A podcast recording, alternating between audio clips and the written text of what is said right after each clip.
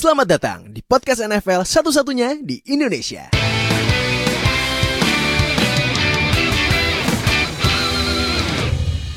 Baik sama gue Fadil host kalian di Zero Knowledge Podcast Kita akan membahas week 5 review yang kemarin sudah selesai. Dan sebenarnya week 5 juga aneh sebenarnya ya. Karena week 5 ini mungkin pertama kali dalam udah sejak lama banget kali ya. Ini pertama kalinya main di kalau waktu Indonesia Rabu pagi. Ini jarang banget nih main Rabu pagi. Jarang banget.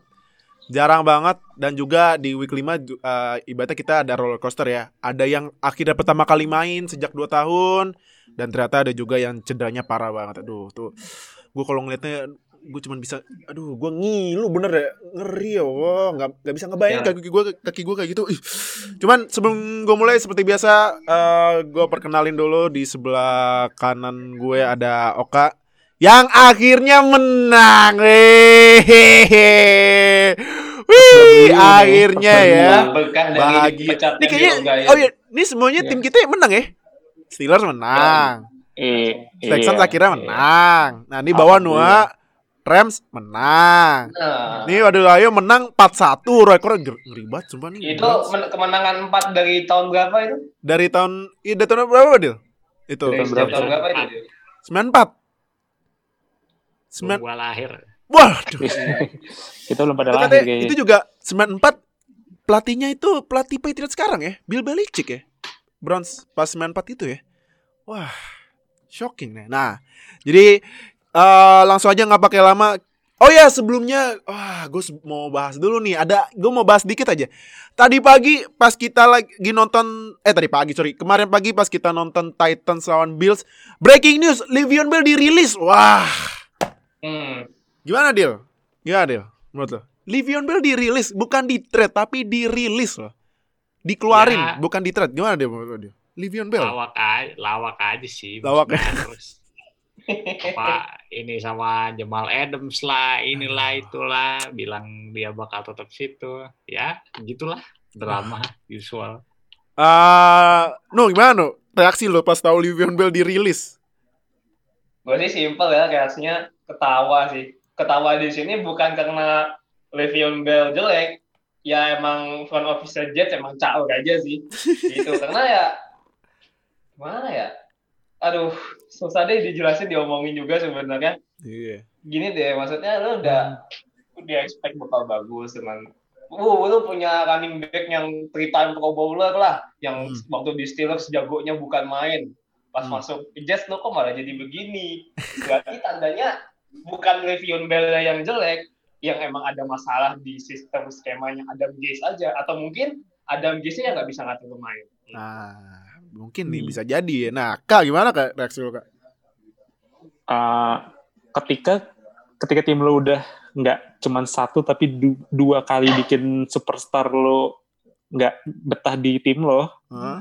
itu berarti ada yang salah di front office lo berarti. Hmm. Kalau untuk trade-nya sih sebenarnya gue uh, pas muncul kabarnya nggak terlalu kaget ketika dirilis karena uh, ya gue kagetnya justru ke masalah dia ada masalah sama front office-nya Jets. Mm -hmm. Cuman kalau untuk dia dirilis ya sebenarnya nggak kaget karena gajinya dia itu terlampau tinggi mm -hmm. dan nggak ada tim juga yang mau terima kontrak segede itu mm -hmm. mau walaupun dia cuman gue cuman mereka cuma minta kayak seven round pick itu aja mereka nggak mau karena kontraknya yang udah kepala kepala gede banget. Hmm. Jadi uh, dirilis juga satu itu bisa free up cap space Jets juga, hmm. walaupun mereka juga dapat dead money sekitar empat setengah lima juta.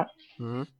Terus juga uh, tim-tim yang sekarang lagi butuh running back nih, hmm. itu bisa uh, punya punya ada pemain yang sekaliber Le'Veon Bell pasti bakal ngejar-ngejar untuk menambah-nambah squad mereka ntar terutama di NFL sekarang nih yang running back-nya lagi pada cedera-cedera tuh. Mm-hmm. Jadi banyak, udah bakal banyak demand-nya sih kalau gue lihat dan Le'Veon Bell juga mungkin in one week or two week udah punya tim baru. Hmm. Oke. Okay. Nah, kalau gue sih ya, kalau gue cuman deal. simple aja. Kalo, eh, nama, nama, Kalau misalkan Steelers mau nge-sign Le'Veon Bell lagi, mau nggak lo? Nah, ini lanjutan karena tadi gue mau bilang kayak gitu. Gue simpelnya ya kalau mau pulang kampung kita terima dengan tangan terbuka lah. Ya, Oh. Le'Veon Bell tahu lah. OL yang cocok sama tipe main dia di tim apa? Ya dia udah tahu lah. Udah, udah, udah, udah dewasa kan. Ya udah kalau kalau misalnya mau pakai nomor 26 di jersey black and yellow silakan. Itu kan 26 kan sekarang dipakai sama si Anthony McFarland kalau nggak salah ya. Nah, kalau misalnya disuruh ganti udah nggak apa-apa lah McFarland ganti aja masih rookie lah. Biarin nggak apa-apa lah. Bell Bell gitu loh. Ya, gitu Nah, ya, yaudah. teman. kalau gitu kita langsung uh, mulai review week 5 Eh yang pertama gue bakal recap cepet ya skor-skor yang pertandingan yang gak ditayangin.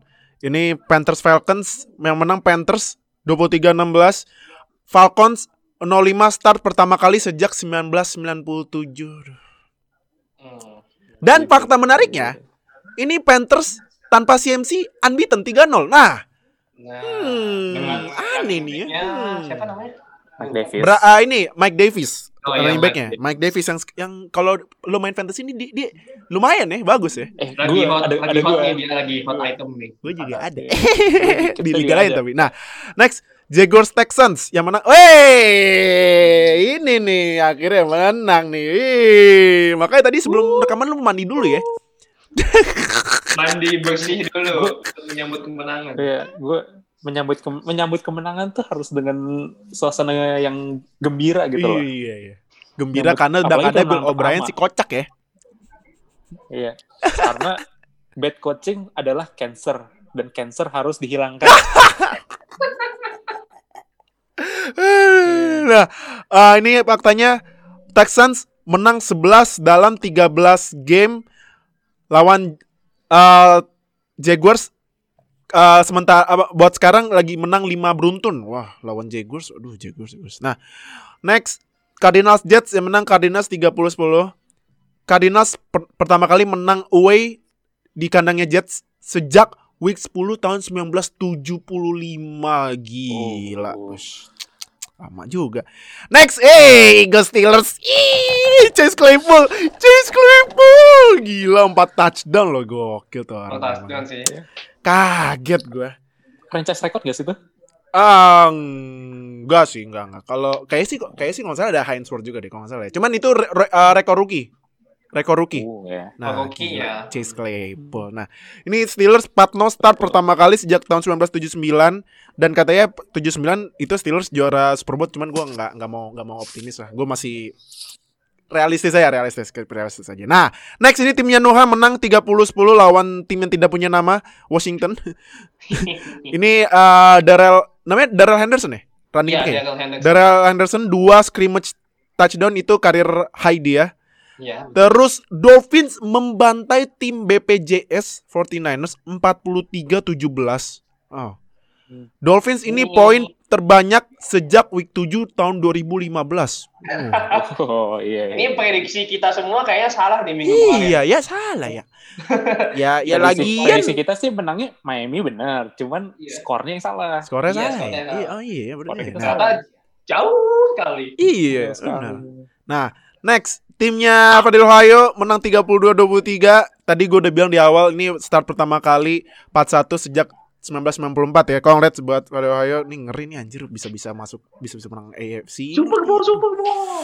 Ngeri banget. sabar, Uh. Pak. Nah, Sabar, sabar. Terus eh nih nih nih oh ya terakhir nah kemarin nih yang eh yang sangat langka ya di NFL ya. Main di hari Rabu pagi waktu Indonesia, Bills on Titans yang menang Titans 42-16 nih Bills akhirnya ke expose ya. Jadi gimana memori terbaik terbaik kalian eh, di campaign Josh Allen MVP selama 4 match terakhir. Ini Titans 4-0 start untuk kedua kalinya dalam sejarah franchise terakhir tahun 2008. Nah, ya udah kalau gitu kita langsung mulai match pertama di hari Jumat pagi kemarin. Eh ini ulangan ini ya buat ulangan Super Bowl 52 buat dua QB tim ini yang sekarang udah beda tim ya nggak kayak Super Bowl kemarin ini Buccaneers lawan Bears yang menang Bears 2019. Nick Foles menggagalkan balas dendam pribadinya Tom Brady dan ini eh, kalau gue lihat statsnya ini Nick Foles 4 243 passing yard, satu touchdown, satu interception. Allen Robinson 10 kali nangkap 90 yards dan tapi yang kita sort ini Khalil Mack is back akhirnya ya. Setelah ditahan-tahan terus di double team, kemarin dua eh kemarin dia bikin dua sack ke Tom Brady dan sack kedua kalau nggak salah yang Tom Brady udah, udah dia ngelihat uh, ngelihat Mac langsung ya ilah nih orang lagi nih orang lagi. Ah abis itu dia ke bench langsung omel-omelin kan tuh oilnya. Nah gimana tuh? Deal menurut lo deal? Memang salahnya OL Bucks apa memang permainan Bears efektif menurut lo deal menurut gue emang mainnya bagus aja. Mm-mm. Gue rasa uh, match up dia lawan Wolves ya, yang rookie. Ya, Tristan Tristan Tristan Wirfs. Wirfs. Uh, mostly oke, artinya nggak nggak nggak se one sided apa yang digembar-gemborkan media. Gue Iya. rasa Wolves mainnya bagus, Bagus. overall ya. Dia kena sekali kalah, terus sekali dilempar-lempar sama si Mac. iya tuh gila terus buset dah Khalil Mack kan Mack. tapi overall mainnya oke. Uh, cuma gua rasa um, memang Bucks tidak melakukan eksekusi dengan baik ya. Offense-nya uh, banyak miss opportunity gua rasa. Sebenarnya sama dari Bears juga kelihatan bahwa Nick Foles nggak nggak 100% lah. Nggak nggak dia bukan miracle worker tapi uh, menurut gua uh, difference maker-nya jumlah pemain Bears lebih banyak. Ada Cordero Patterson, dia main special team bagus banget emang. Terus um, gadget play-nya bagus, skema desainnya juga bagus. Gua rasa memang uh, lebih banyak lah difference maker-nya uh, apa di Bears ada uh, Hakim Hicks sama Khalil Mack pressure-nya all night long itu. Uh, Jadi gua rasa ya lebih banyak pemain bagusnya lah mungkin sekarang di Bears itu aja sih. Hmm, oke. Nah, eh Kak, gimana Kak kalau menurut lu? Eh, kalau Bears, Kak, menurut lu gimana Bears, analisis ya. lu? Hmm. Sama sih, defense juga mainnya bagus juga sih, bagus Hmm. banget malah. Juga dia mereka pressure Brady all night ya. Dan itu emang kuncinya untuk ngalahin Tom Brady adalah lu nge-pressure dia, Hmm. lu uh, menang di scrimmage, lu bikin dia nggak nyaman di pocket dan bikin dia nggak akurat. Hmm. Uh, Khalil Mack ada empat pressure, two sacks, Hmm. one hurry, one QB knockdown, Wow. dan efeknya efeknya ini apa impactful banget buat uh, offense-nya Buccaneers karena mereka juga third down conversion-nya juga uh, jelek ya kalau nggak salah. Gue coba sorry Iya, gue betul. coba cek dulu. Ya third down conversion Tampa Bay itu 4 of uh, 4 dari 14 Hmm. which is itu berarti sekitar less than 30% ya less Hmm. than 30%. Dan uh, statsnya Brady sendiri juga 24 out of 41, 253 yard. Saat berapa berapa touchdown tuh gue lupa sih ya. Uh, dan emang itulah kuncinya untuk ngalahin Tom Brady adalah lo bikin dia gak nyaman, bikin banyak-banyakin pass rush, dan Khalil Mack juga karena lawannya mungkin rookie dan dia sering dapat one on one match up karena dia mereka main di 3-4 law- dan sering dapat one on one ya dia bisa dominan lawannya rookie juga kan Tristan Wirfs walaupun Tristan Wirfs juga mungkin Nuha bisa jelasin nanti eh, dia udah mainnya bagus banget selama empat week terakhir Hmm. dan dia bikin eh, strong side-nya Brady tuh lebih nyaman aja jadi it's a good win for Bears on defense, tapi offense-nya gue masih belum terlalu yakin karena masih nggak terlalu stabil, masih nggak konsisten. Hmm. Oke. No, nah, no gimana no? Analisis sama Tristan Wirfs yang kemarin ib- kala- ka- apa kalau kita nonton di bully sama Khalil Meh sampai dilempar satu tangan. Gila. Gimana? Mana Ya? Tristan itu sih cuma one of the highlight aja sih emang. Jadi ya kebetulan dapat highlight yang kalau ya di istilahnya di kalau bahasa anak-anak zaman dulu di smackdown lah sama si itu itu itu Kak nama nama move-nya apa yang yang yang tangan di itu tuh? Apa tuh nama move-nya tuh ya? Itu mah murni di push aja sih tuh kayak Ya, push itu eh, murni atau gimana aja, nggak nggak ada sih ada. nama move-nya tapi Apa? tapi ya gila aja sih gue Ah, Iya, maksudnya Gimana? dengan gimana? dengan beratnya 360-an pound something dibanting itu sih ya ya gimana tapi ya overall emang dia he did good he did well jadi selama selama lima week lima week mainnya dia juga cuma baru sack low cuma baru satu kali gitu loh dan memang sudah memproteksi Tom Brady dengan cukup baik dan kebetulan memang match at lawan Bears ini kan ya Khalil Mack yang notabene one of the best pass rusher in the league jadi ya pressure-nya yang dia dat yang Khalil Mack datangkan kepada dia cukup besar dan one on one situation-nya tuh kadang bikin Tristan Wirfs ini kewalahan buat ngejaga movement-nya Khalil Mack. Jadi ya it's not a bad, ya gimana ya? Ya mungkin cuma ya bad day in the office aja lah buat Tristan Wirfs di, di week 5 ini. But overall he did. Hmm, oke. Ah, eh ini kalau gua kasih fakta-fakta dari tim statsnya, rushing yards Bears cuma 35 yards loh. Tapi menang. Terus, ah ini mungkin kali ya faktor lain kenapa Buccaneers kalah. Ini penaltisnya Bears 6, Buccaneers 11. Banyak banget. Dan kalau nggak salah itu uh, Buccaneers itu tim yang paling banyak bikin penaltis ya kalau nggak salah ya. both of the team dari Tampa Bay sama Chicago dua-duanya ada di top 5 Top five, ah. ya masalahnya di disiplin mereka disiplin ini disiplinerinya masih kurang berarti. ya. Nah, ini next week eh Brady coba bangkit dari mimpi buruk kan. di tackle dua kali sama Khalil Mack lawan Packers. Wah, ini ini yang ditunggu ini. Ini dua quarterback. Ini Tom Brady versus Aaron Ro A Aaron Rodgers. Nah, Aaron. 12 ini versus nih. 12 ya Iya. Nah, Bears lawannya Panthers. Panthers yang sekarang lagi sebenarnya lagi formnya lagi naik ya. Oke. Next. Ini kita bahas pertandingan AFC North Ravens lawan Bengals 27-3. Gila ya. Gila emang Ravens. Defense-nya yang maksud gue yang gila. Karena gue bakal langsung lempar ke Nuha nih buat yang pertama nih. Eh, no, Patrick Quinn yang tadi gue baru lihat ternyata dia menang AFC Player of the Week 5 defense. Patrick Quinn gimana analis analisis lu? Patrick Quinn ya kalau gue uh, baca statsnya dia satu force fumble, dua Yes. fumble recovery, Betul, salah satu fumble recovery-nya jadi touchdown. betul sekali. Gimana tuh? Apakah dia sekarang kalau misalnya lagi uh, race buat uh, di di Roy-nya dia langsung naik nomor satu apa gimana? Buat Patrick Quinn. kalau untuk race to be defensive rookie sih cukup ketat ya antara dia terus Chase Young sama Antoine Winfield itu ya sebenarnya oke, dari defense mereka yang paling contending lah untuk menjadi defensive rookie of the year. Cuman memang Patrick Quinn ini memang sangat cocok untuk bermain di Ravens dengan skema blitz, high blitz mereka.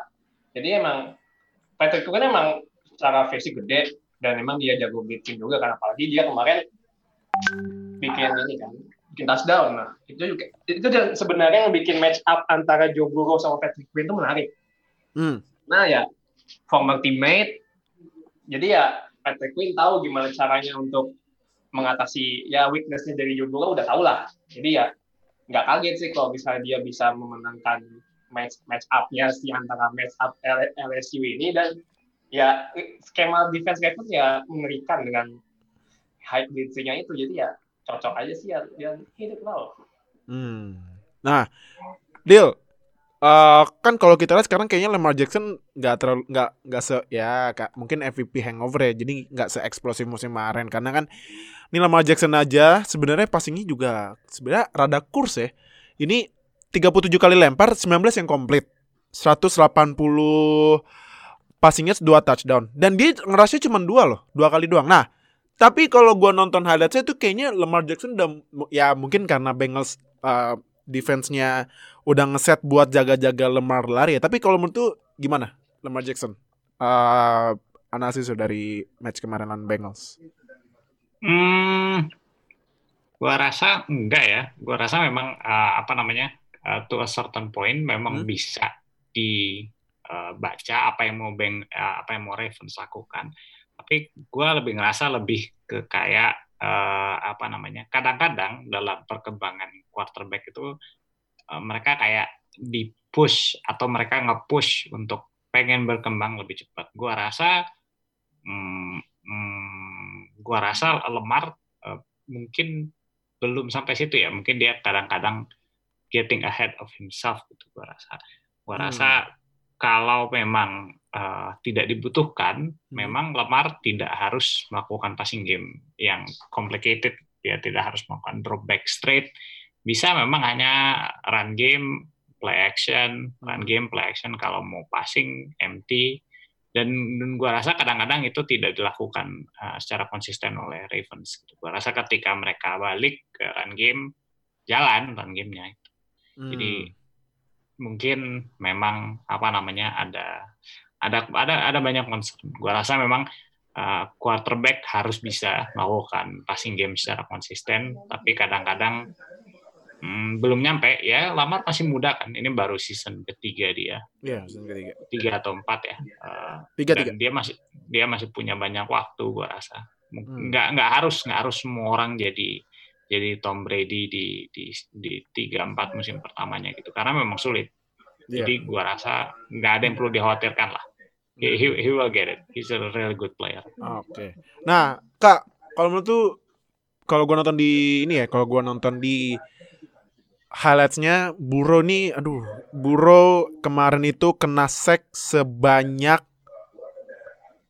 tujuh kali. Tujuh kali. Gimana nih? Lu kalau jadi Buro uh, nangit nggak nangit nggak? Di sek terus nangis. Kali. Nah, gimana? jadi Buro? Ya, ya gimana ya? Itu emang karena dia kan di draftnya ke divisi yang kita bisa bilang yang paling keras ya, paling keras in terms of pass rush dan uh, 19 pressure loh, 19 pressure it's a lot ya yang di surrender sama online-nya. Hmm. Ya, walaupun Bengals juga sebenarnya defense-nya nggak terlalu buruk juga. 11 hmm. pressure, sekali sacks ya, susah juga ngejar lemar kali ya. Hmm. Dan 7 sacks ini Joe Burrow berarti tot uh, Bengals udah allow 22 sacks in 5 games. Hmm.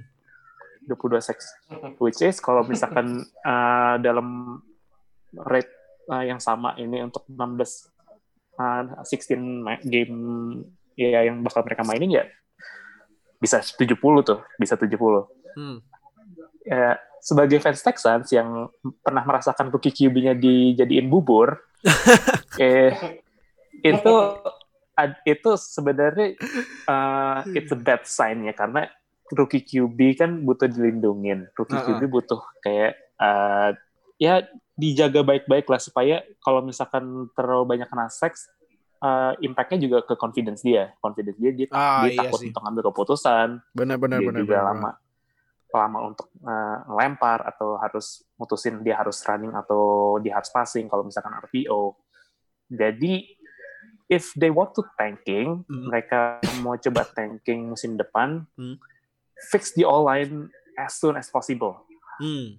Emang emang kelemahan mereka juga sebenarnya di posisi itu, di posisi itu, karena defense mereka is not too bad. Hmm. Running game mereka udah punya running back, buat receiver ya mereka tinggal uh, ningkatin chemistry antara Burrow sama AJ Green yang gue nggak tahu bakal di extend atau enggak. Mm-hmm. Tyler Boyd, T. Higgins ya tinggal uh, mengembangkan chemistry aja but the all-line harus dirombak total hmm. dan ya let's see lah let's see musim depan dia bakal uh, lebih mature as a quarterback atau dia bakal kena baptism of fire lagi kayak sekarang ini hmm.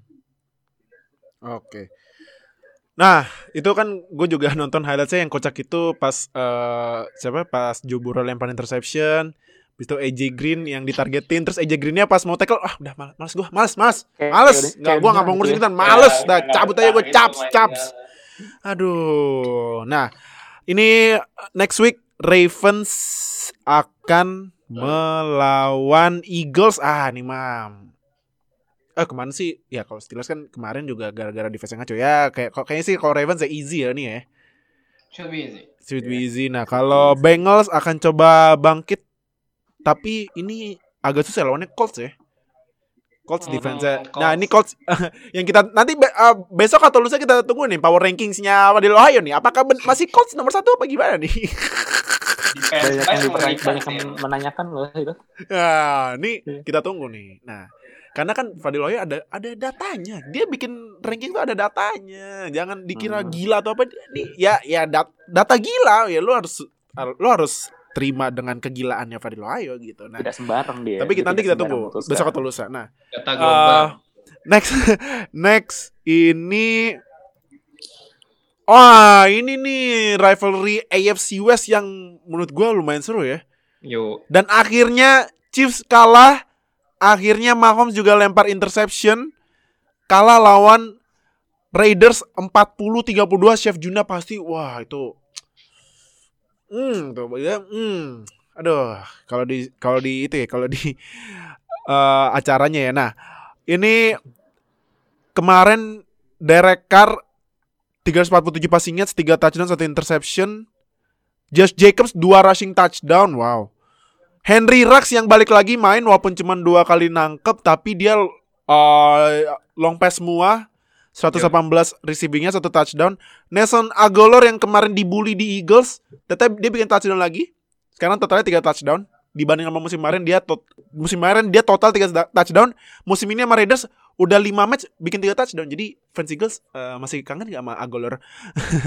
nah, Terus uh, bikin satu defense bikin satu interception sama bikin tiga kali sack. Nah, deal. Menurut lo apakah Raiders sudah mendapatkan resep buat mengalahkan Mahomes? Ah, kalau gua rasa re- resep agak sulit ya. Maksudnya apa namanya? Resep itu kan some- something yang bisa consistently direplicate gitu kan. Hmm.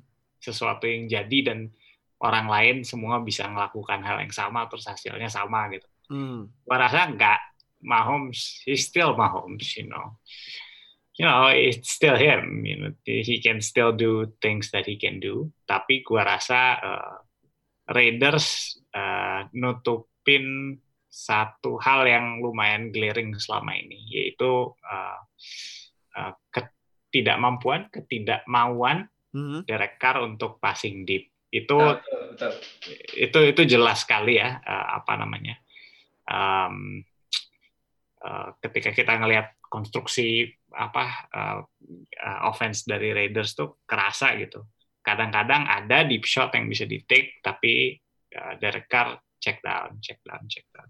Hmm. jadi apa ya kita kita nggak tahu seperti apa dalamnya offense Raiders gitu. Kita nggak tahu apa yang diinstruksikan oleh John Gruden buat uh, Derek Carr. Tapi uh, kalau kita lihat begitu ada apa begitu ada Henry Rex yang punya speed yang yang sangat ini ya sangat game changing gitu ya. Uh, Betul, betul.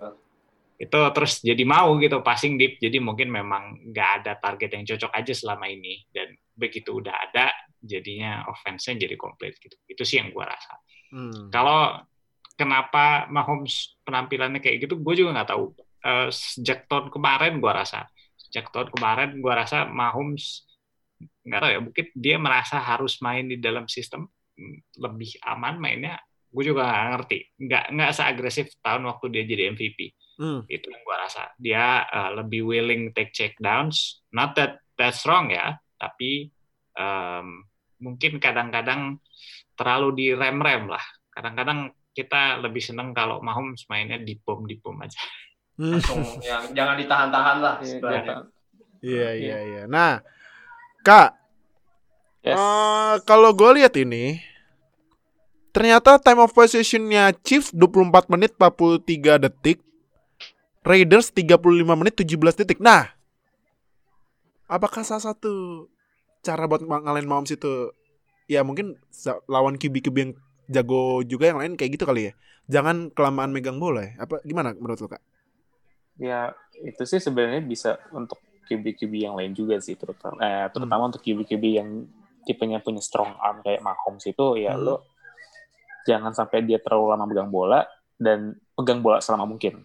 Mhm. Jadi menguasai possession sebenarnya ya it's a must buat semua tim. Itu pasti akan semua tim juga pengennya gitu, gitu.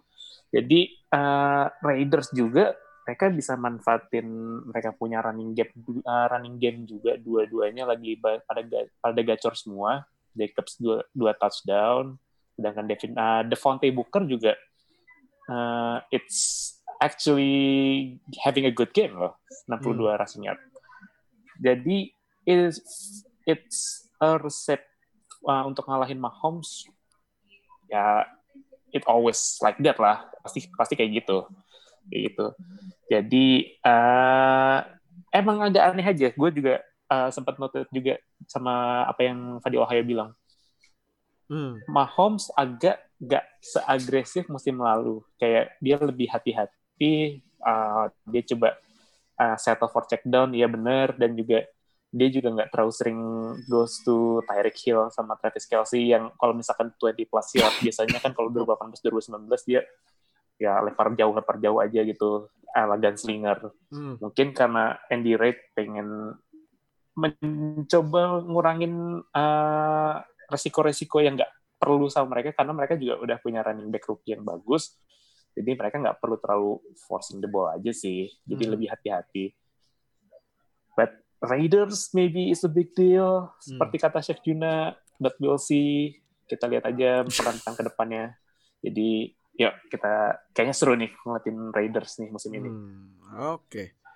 Nah, uh, no, gimana no Henry Rux setelah balik lagi dari cedera dan dia uh, dipakai buat deep threat lumayan ya. Gimana hmm. buat lo? Menurut gue sih Henry Rux ini ya udah menjadi game changer lah maksudnya dengan ability dia yang punya lari kayak kayak macan yang kencang banget itu kan hmm. bener sih kata Fadil Akhir tadi itu melengkapi sistem melengkapi offense-nya Derek Carr yang di mana dia sangat-sangat notabene bermain konservatif, main aman, main check down dan ya bola-bola pendek lah dan dengan adanya Henry Rux yang truly game changer with his ability dia jadi cukup sering bermain bola-bola di bahkan ya itu apa dia kan bikin touchdown ya dengan 118 yard. Hmm. Jadi ya gua rasa sih ya Raiders sih menarik musim ini. Memang menarik untuk ditonton. Itu sih. Hmm. Nah, kalau Ceh gimana Ceh? Kemarin kan Ceh bi uh, larinya kurang ya. Kemarin hmm. Ceh itu cuman 40 yards 10 kali lari. Gimana kalau menurut Ceh? Yeah. Apa yang salah sama Ceh? Apakah mungkin karena memang defense Raiders run defense-nya bagus, efektif apa gimana? Hmm, untuk defense mungkin gue akan sedikit kasih highlight ke ini kali ya, ke dua defense apa, dua edge rushernya si Raiders ini, Colin Farrell sama Max Crosby. Mereka ini dua orang ini ya memang benar-benar bisa ngasih pressure lah ke ke Mahomes. Jadinya running game mereka itu enggak ya dia nggak Mahomes tuh nggak terlalu gimana ya bahasanya itu nggak bisa terlalu bisa memain, memainkan running game seperti apa yang biasanya dimainkan. Makanya Clyde Edwards Hiller ini nggak terlalu banyak bermain bagus lah atau dia cuma miss tackle cuma 10 carry apa miss tackle cuma miss tackle dari 10 carry yang bawa cuma ya miss tackle itu cuma beberapa nggak banyak ya memang nggak sebagus waktu dia pertama kali di opening game lawan Texans ya hmm. tapi ya ya mungkin di game ke depan bisa main lebih baik lagi. Hmm, oke. Okay. Nah, uh, uh, ini sedikit nyambung oh, boleh, boleh. ini dia sebentar. Kenapa?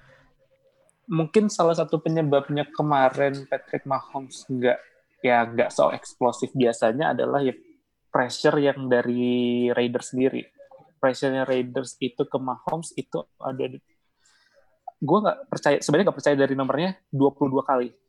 Hmm 22 kali, 3 sacks, 3 blitz, 17 kali hurry sama 2 QB hits. Hmm. Dan banyak uh, banyak juga bad throw-nya dari Mahomes karena hmm. dia harus buru-buru get rid of the ball hmm. 11 kali. Hmm. Jadi 22 out of 43 ya give credit to Raiders defense ya. Hmm. Oke. Okay. Nah, uh, next week ini Raiders bakal oh Raiders bye ya. Raiders Raiders bye week. Chiefs juga bye week ya. Eh, enggak enggak Chiefs lawan Oh, Chiefs lawan Bills yang ini ya karena Bills kemarin main di Rabu pagi food football. Apa Ya. rambut wangi football? Rabu R. RBF ya.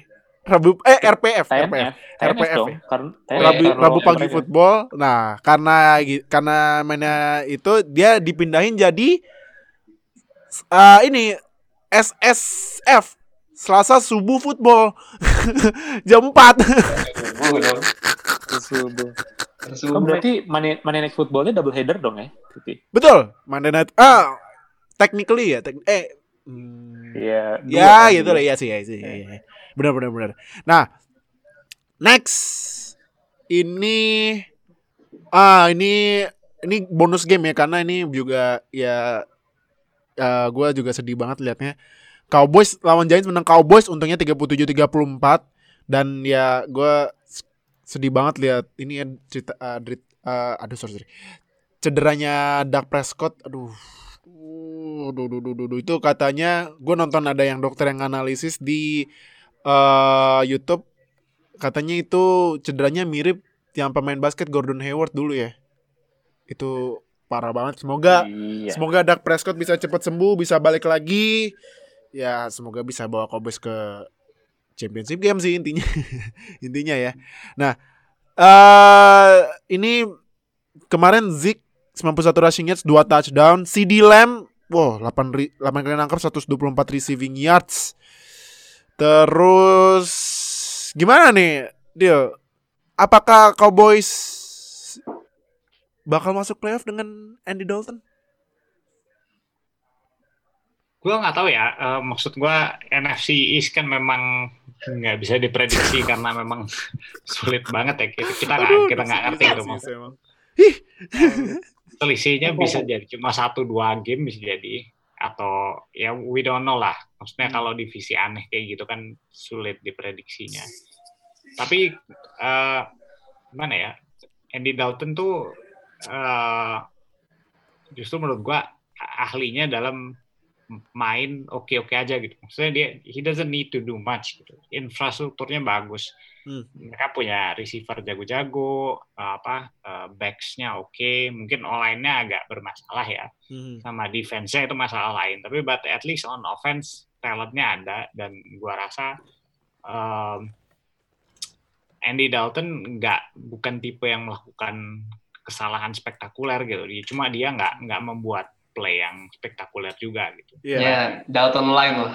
Ya, Dalton dan- dan Dalton Dalton Light itu kan skala skala apa ya skala skala normal average lah. quarterback. Oh.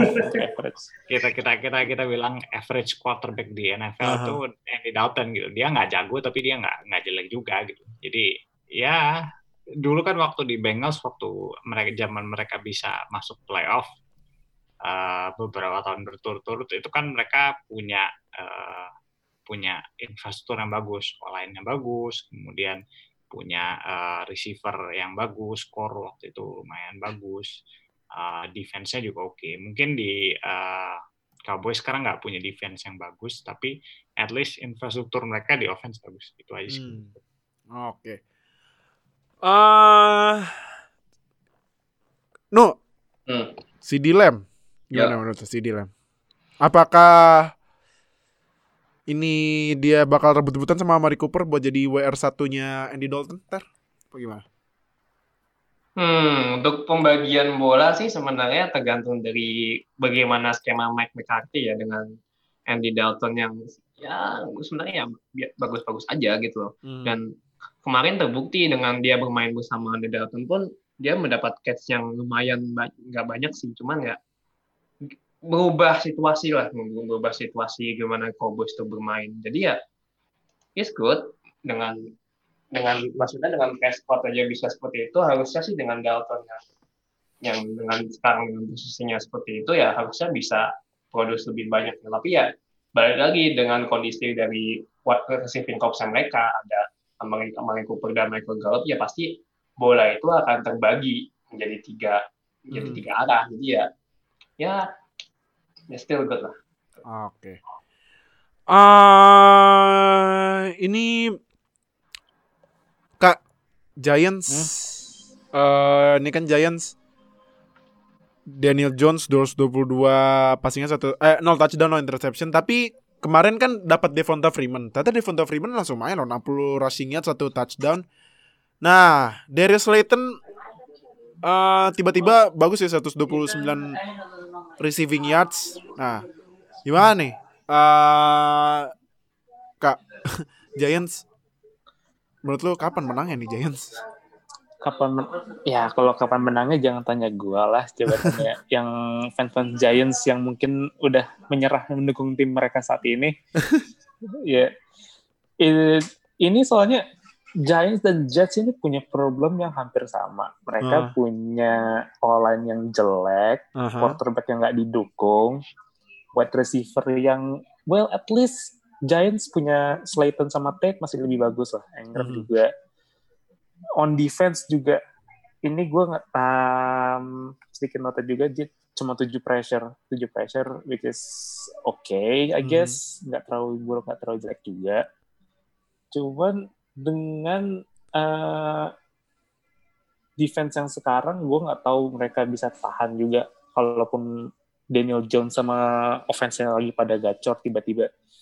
Tapi kalau misalkan defense-nya ya masih liki-liki kayak sekarang juga ya bakal sama aja bodong kan Mhm. sama aja sama aja bohong ya ya gue nggak gue juga masih nggak yakin juga sih sama Daniel Jones karena ya dia masih terlalu nggak konsisten dia masih sering naik turun juga dan banyak masih banyak kesalahan yang sama kayak waktu dia rookie Mhm.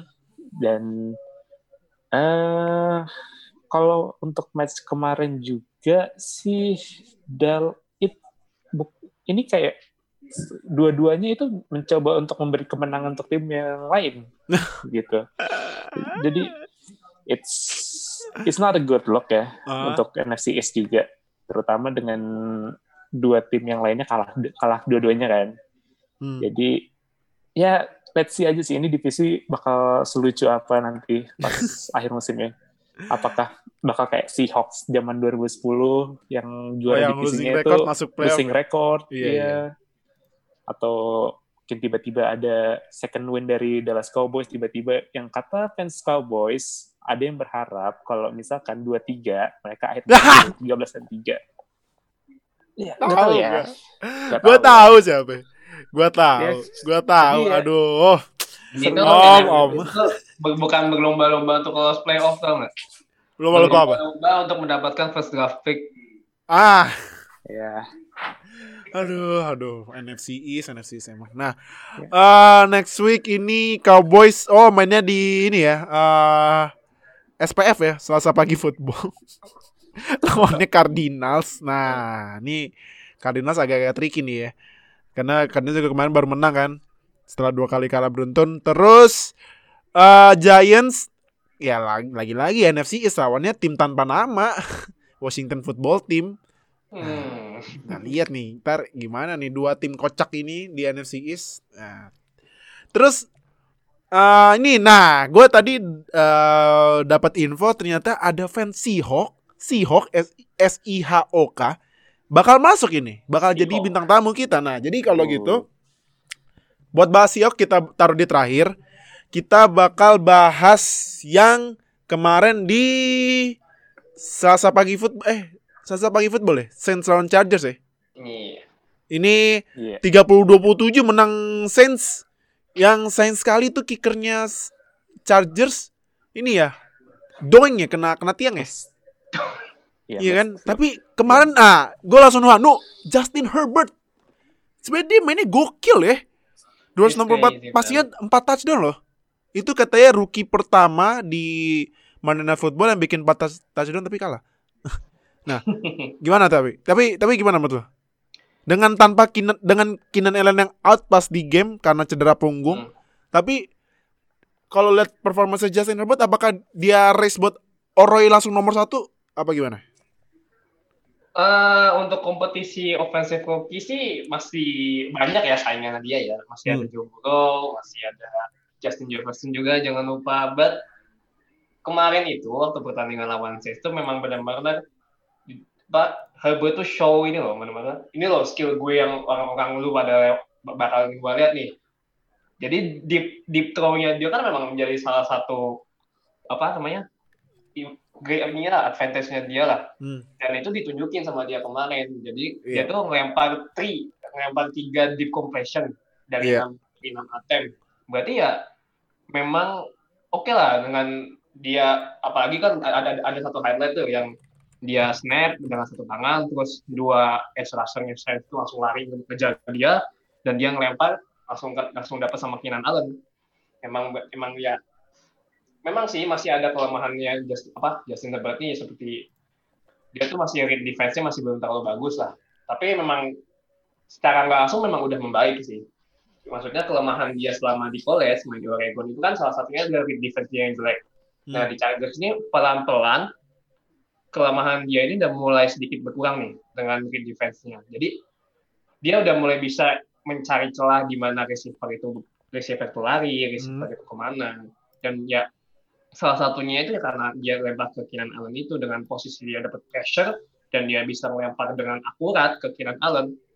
Berarti salah satu kelemahan dia itu memang mulai agak sedikit berkurang dan ya masa depan dia cerah lah di Chargers. Hmm, Oke. Kak, gimana Kak menurut dari performance Chargers? Ini eh, kemarin kan Mike Williams juga 109 receivingnya 2 touchdown yang dia bikin ini ya apa spectacular catch-nya itu. Tapi ya sayangnya Hmm. tendangannya kena tiang. Aduh. Fans Bears jangan ini ya PTSD. Eits, maaf maaf maaf fans Bears. Aduh, Ya, maaf, maaf, maaf, maaf, maaf. Suka gatel mulut saya emang. Cuman ada. ah ini kan kalau dari running back situationnya juga kan Austin Eckler cedera lah. Cedera ya, cedera agak lama kayaknya. Nah, tapi kalau dari keseluruhan ini kan juga defense-nya si Joey Bosa bikin satu sack juga, terus juga eh, bikin satu interception ya kemarin. Iya, satu interception. Cuman eh gimana tuh? Kalau dari performance-nya Chargers nih sayang banget. Satu empat dan ini infonya Chargers musim ini kalah jarak poinnya 7 poin atau kurang loh. Aduh, ini lagi-lagi PTSD pas zaman season ke 2018 atau 2017 gitu yang kalahnya tipis mulu. Gimana menurut lo, Kak? Iya.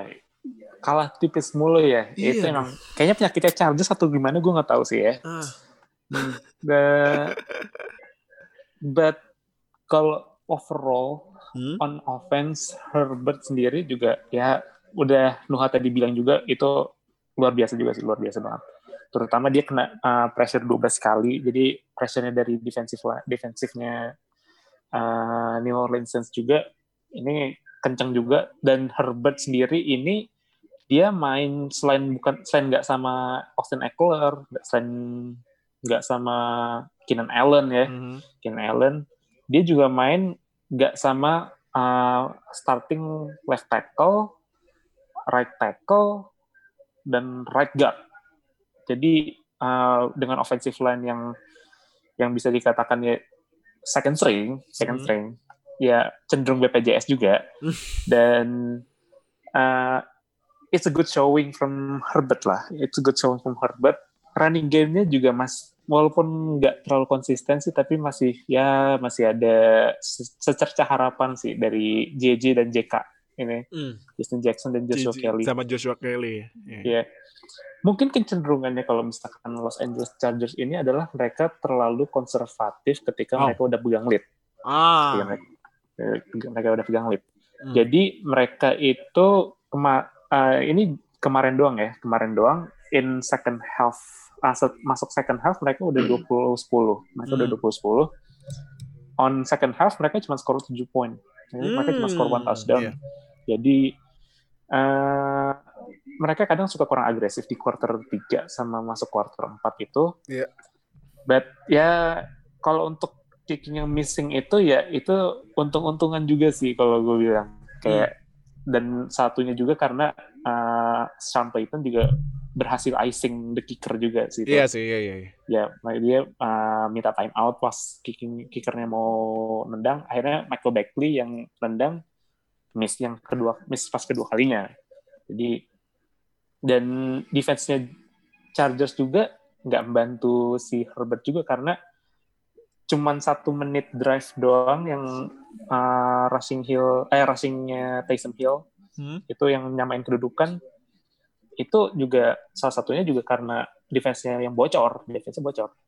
Jadi terlalu banyak preventif, akhirnya mereka kebobolan loss of a lot of yards, akhirnya mereka kebobolan juga akhirnya seri. Seharusnya bisa nggak seri, seharusnya itu bisa sesuatu yang bisa dihindarin sama Chargers. Hmm. Overall, it's a good on offense, but masih banyak yang harus ditingkatin sih.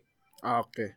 Nah, eh Dil, nih Saints yang kemarin itu sebenarnya Michael Thomas kan ya gak sembuh-sembuh banget tapi ternyata dia di bench karena dia berantem sama teammate-nya di disiplin gitu ya. Nah, ini Drew Brees 325 passingnya satu touchdown satu interception tapi Kamara lagi-lagi uh, dia memang the- apa running back yang nangkep bolanya terbaik di NFL ya.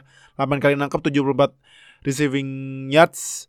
Terus uh, defense-nya juga bi defense-nya bikin no, satu ya cuman uh, tiga seksi. Cuman uh, gimana nih tanpa Michael Thomas menurut tuh kemarin Saints kelihatan terseok-seok apa gimana?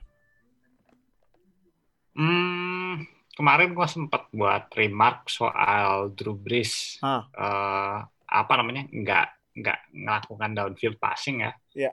Gua rasa to an extent masih ada. Cuma eh, sembuh dikit mungkin dah. Gua Hmm. ngerti juga.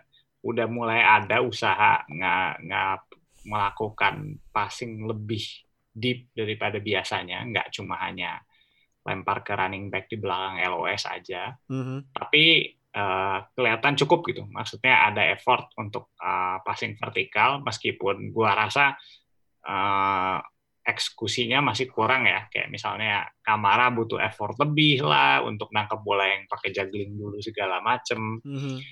Tapi gua rasa eh, cukup gitu. Ketika ketika bisa melakukan itu, eh, offense-nya akan jadi lebih hidup dan awalnya awalnya gue kira bakal sangat sangat eh, apa namanya maksudnya offense-nya Saints bakal mati gitu dengan kondisi Drew Brees seperti sekarang dan nggak ada Thomas tapi ternyata ternyata mereka punya cukup banyak playmaker dan Drew Brees masih bisa melakukan passing cukup lah at least ya Hmm. nggak udah udah nggak dalam kondisi kayak bisa apa namanya super explosive passing game atau something no tapi dia bisa melakukan cukup buat menang at least Hmm, Oke.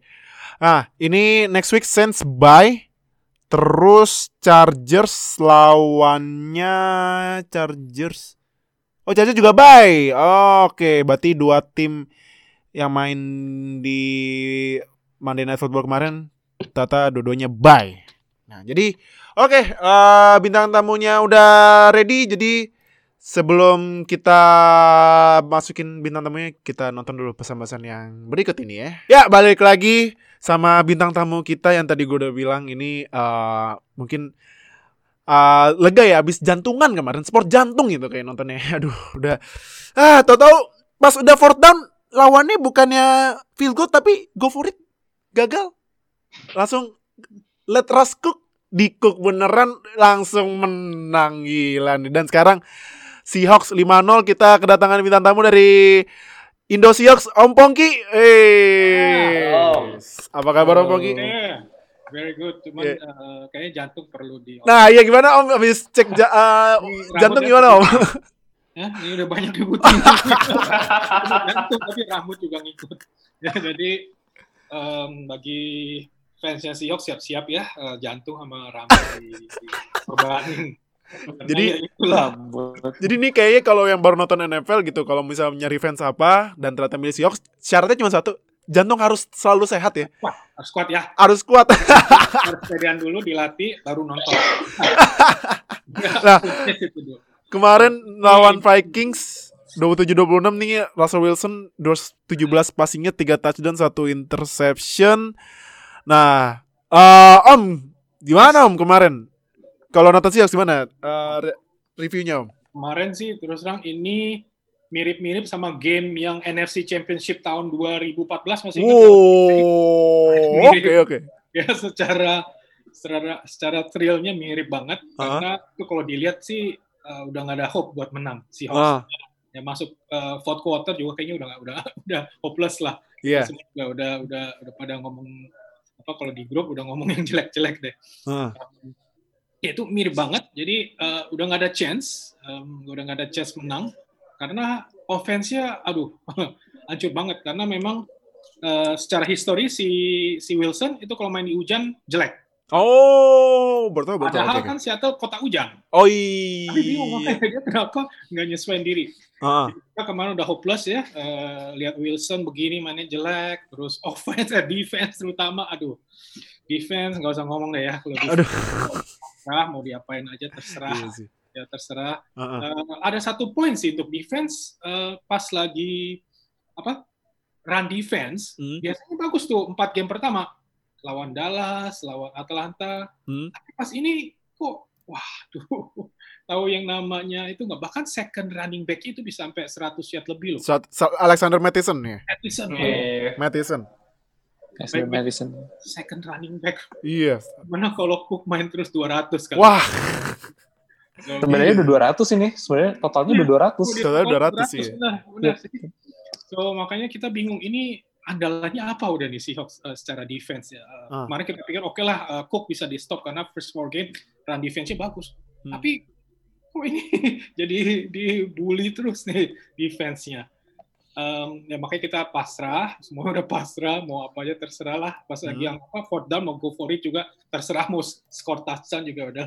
Eh ternyata Nah ini ada key point mungkin buat teman-teman um, satu key point kita juga bahas di grup internal Seahawks Hmm? adalah uh, anehnya ya anehnya selama lima game pertama ini defense-nya walaupun jelek tapi mereka yang penting uh, it counts when it matters. Ah, oke oke. Nah when it matters kan jadi Iya, kita iya. semua tuh perhatiin dari yang lawan uh, kemarin yang lawan Dak Prescott ya yang dia lempar terus intercept Iya. Ya Iya. kita lihat kan terus uh, kemarin juga ya kemarin yang fourth down stop Oh iya. Hmm. kita hampir hampir ya udah deket uh, goal, goal line Hah. itu juga kan itu when it matters mereka bikin play tuh itu yang amazing itu yang kita uh, apa uh, cukup salut sama si Hawks-nya defense biasanya sih aduh kalau di total yard apa poin udahlah pasrah kita Hmm.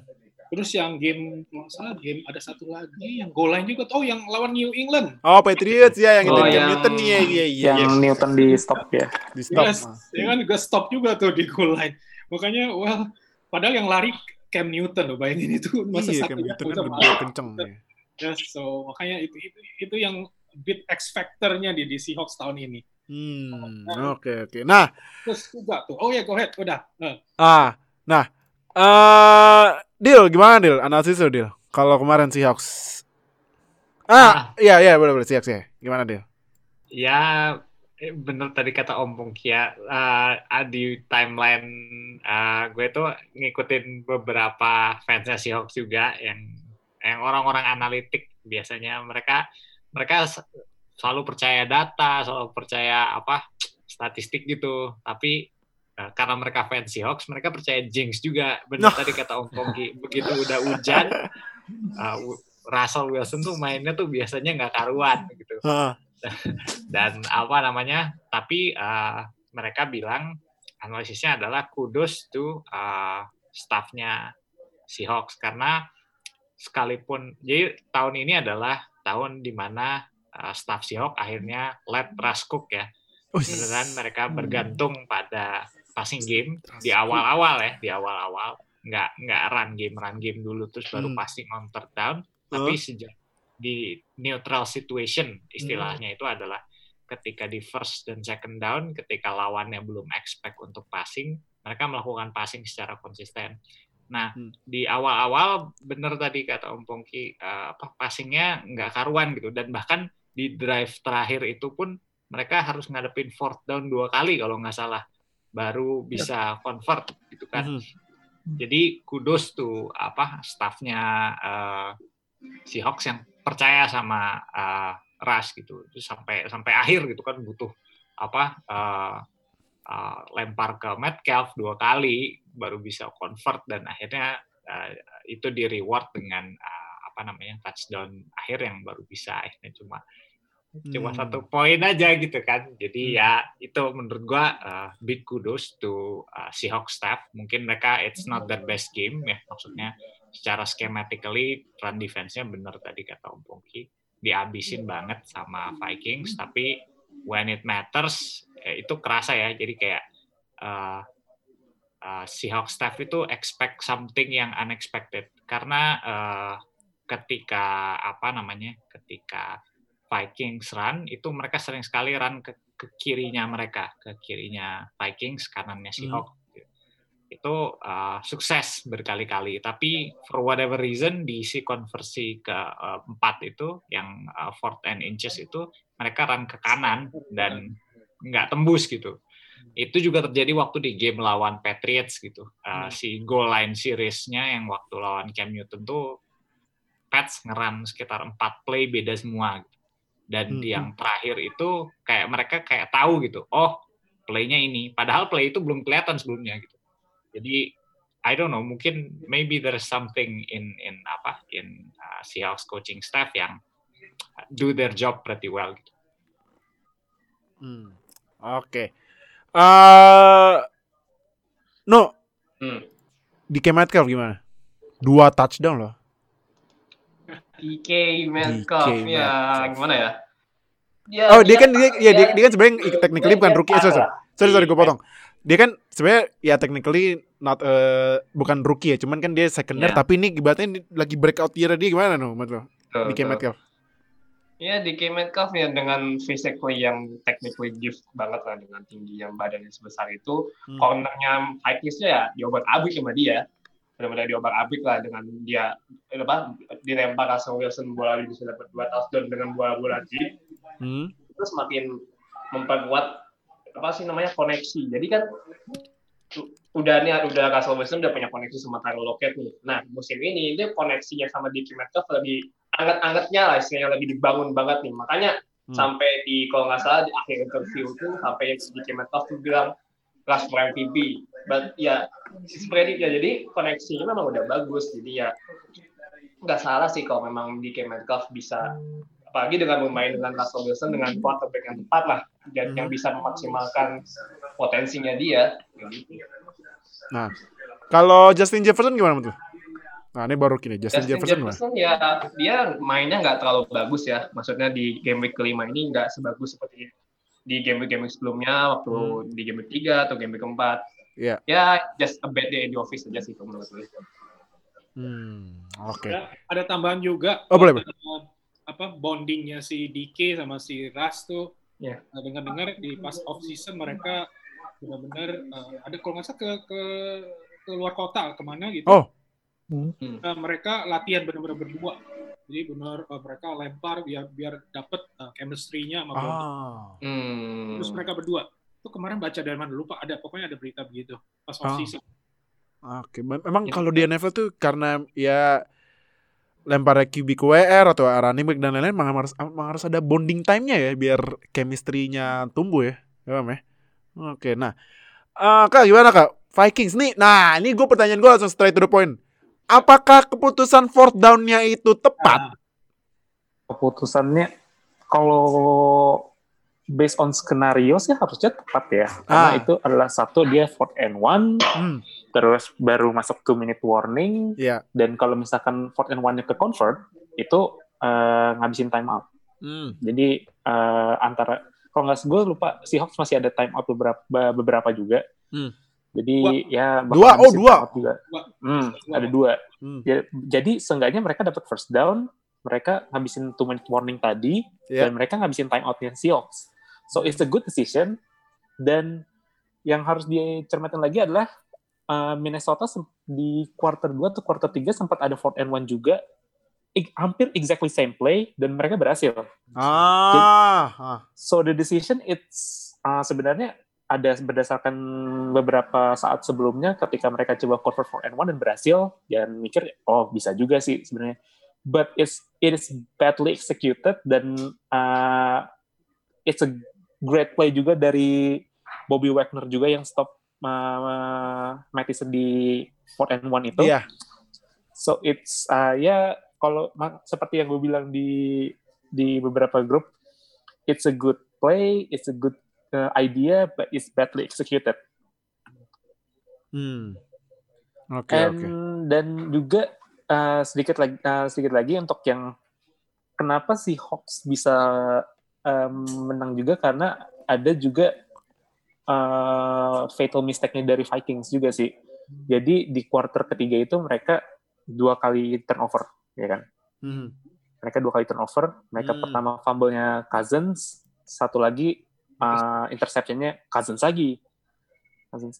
Dan Ah. uh, in 8 minutes di third quarter itu mereka uh, Seattle bisa skor 3 touchdown. Hmm. Skor skor 3 touchdowns. Hanya dari 7 play doang loh, 7 play doang. Iya, gila emang. So it it may it's maybe kalau gue lihat sih in first uh, half Vikings bagus, Vikings bagus mainnya, defense-nya juga uh, rapi, pressure-nya juga ada.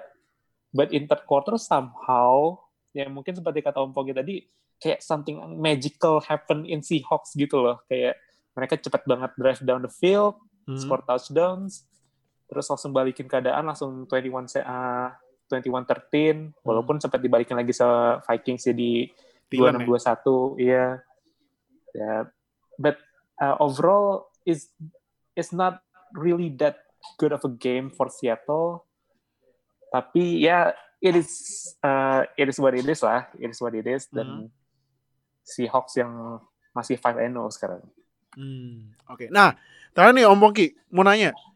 Kemarin kan Dalvin Cook itu sempat cedera ya, pas lagi lari ke lari berapa yard, atau tiba-tiba dia lari- langsung lari ke kanan, langsung agak pincang gitu. Nah itu apakah itu kunci kemenangan Seahawks yang jadi ibaratnya momentumnya gitu. Nah ini kayak dimanfaatin tiba-tiba langsung bikin langsung bikin tiga touchdown ya.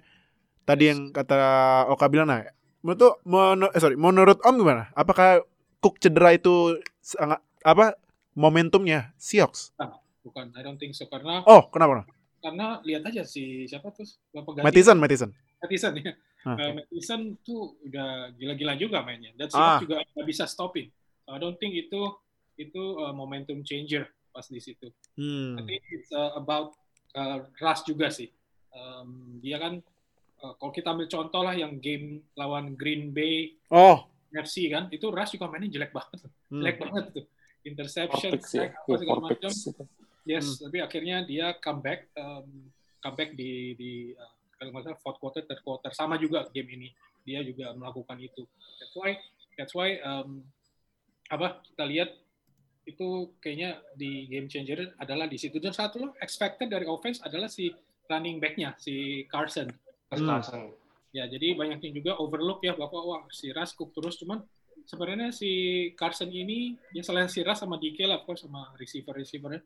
Carson ini yang juga menurut saya ini adalah si si waitressnya. Jadi uh, bolehlah mereka Hmm. dalam ya koki-koki cuman Iya. yang bawa makanan yang untuk ke depan ke tamu-tamu itu Carson menurut saya. Ya, jadi Carson yang ya contoh kemarin ada bikin satu touchdown ya. Jadi kalau saya Iya. lihat juga uh, a bit uh, change of momentum tuh. Dan Hmm, banyak First sekali play of the drive lah itu. First play Ya. of the drive juga. so, um, di game first uh, empat game itu juga saya lihat Carson uh, selalu uh, unsung hero sih. Ah, oke oke oke. Jadi apa uh, contribute lah baik dari passing atau runningnya dia sih.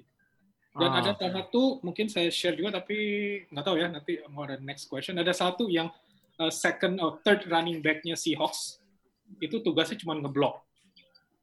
Hmm. Perhatikan yang uh, last play, last play atau last Hah? two play Ah. itu kalau dia nggak ngeblok si running back itu si Wilson kena sack dan itu Ah. jadi touchdown. Ah, untung aja ya. Nah, nih kita udah di penghujung podcast cuman terakhir banget nih buat Om Pongki. Yes. Apakah saatnya para expert dan media kasih voting MVP ke Russell Wilson musim ini? Kacau loh Om, ini masa selama karir zero MVP Zero votes. MVP Nah, ini uh, musim sekarang apakah saatnya? Walaupun ya misalnya misalnya misalnya amit-amit amit-amit kenapa-napa gitu kan. Ya at least vote lah gitu. Gimana Om Pongki? udah pasti sih. Udah pasti ya. Ya udah pasti.